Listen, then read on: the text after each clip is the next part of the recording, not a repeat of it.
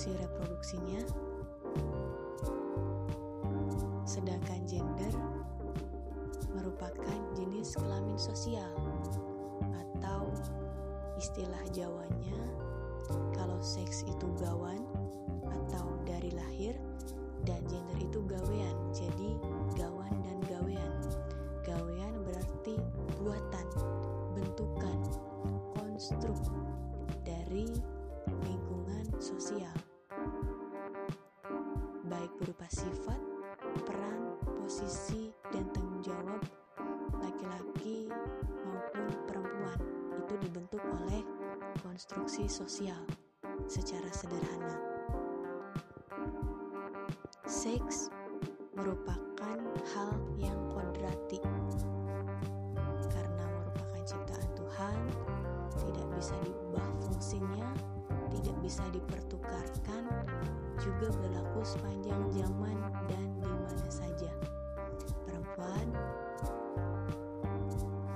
mengalami reproduksi menstruasi hamil, melahirkan dan menyusui. Laki-laki membuahi spermatozoa.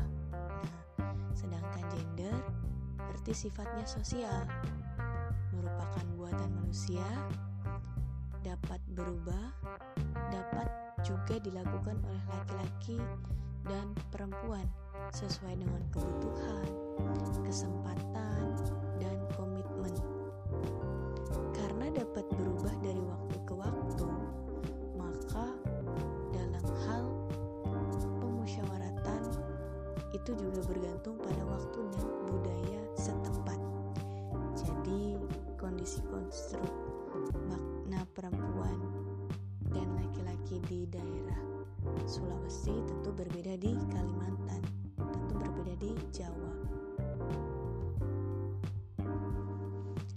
Secara definisi, kesetaraan gender dimaknai sebagai kondisi perempuan dan laki-laki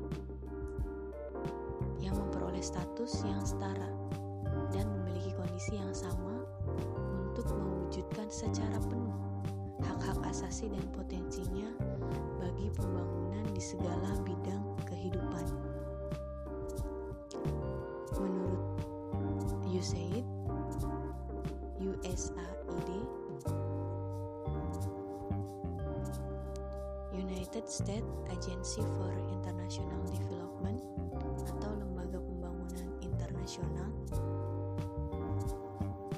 gender equality atau kesetaraan gender memberi kesempatan baik pada perempuan maupun laki-laki untuk setara, sama, sebanding menikmati hak-haknya sebagai manusia.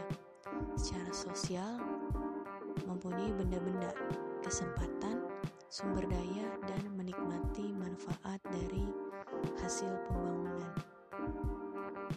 Sedangkan keadilan gender berarti kondisi adil untuk perempuan dan laki-laki melalui proses budaya dan kebijakan yang menghilangkan hambatan-hambatan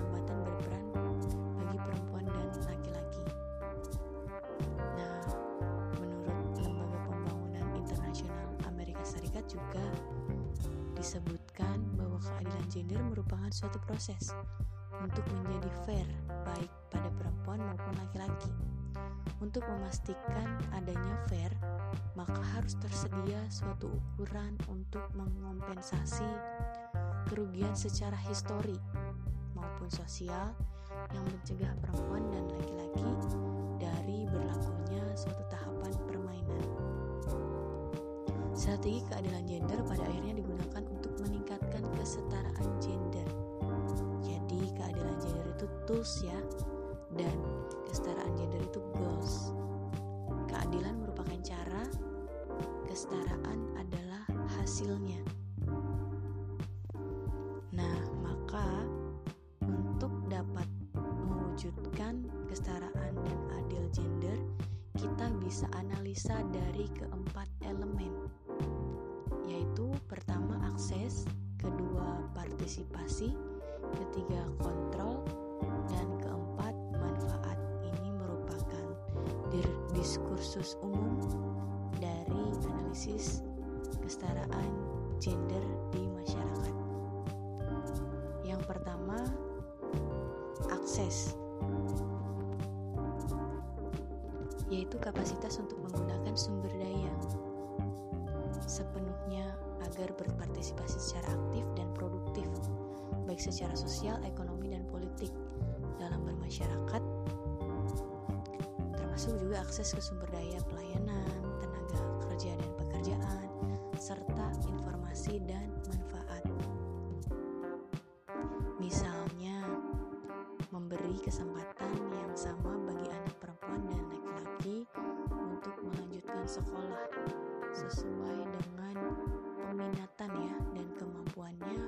dengan asumsi sumber daya keluarga mencukupi. Nah, ini harus dirumuskan ke dalam kebijakan, bukan pada sumber daya ekonomi keluarga. Itu untuk akses. Yang kedua, partisipasi. Jadi, siapa melakukan apa? Misalnya, suami dan istri berpartisipasi yang sama dalam proses pengambilan keputusan atas penggunaan sumber daya keluarga secara demokratis. Dan bila diperlukan juga harus melibatkan anak-anak ya baik anak laki-laki maupun perempuan.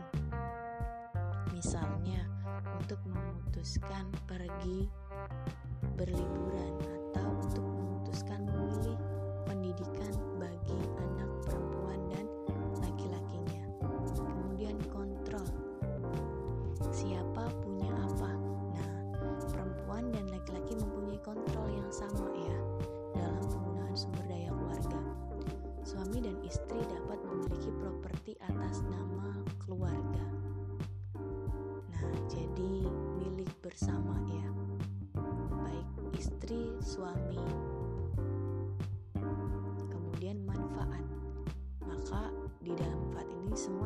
aktivitas keluarga harus mempunyai hak atas hasil yang bermanfaat yang sama bagi seluruh anggota keluarga.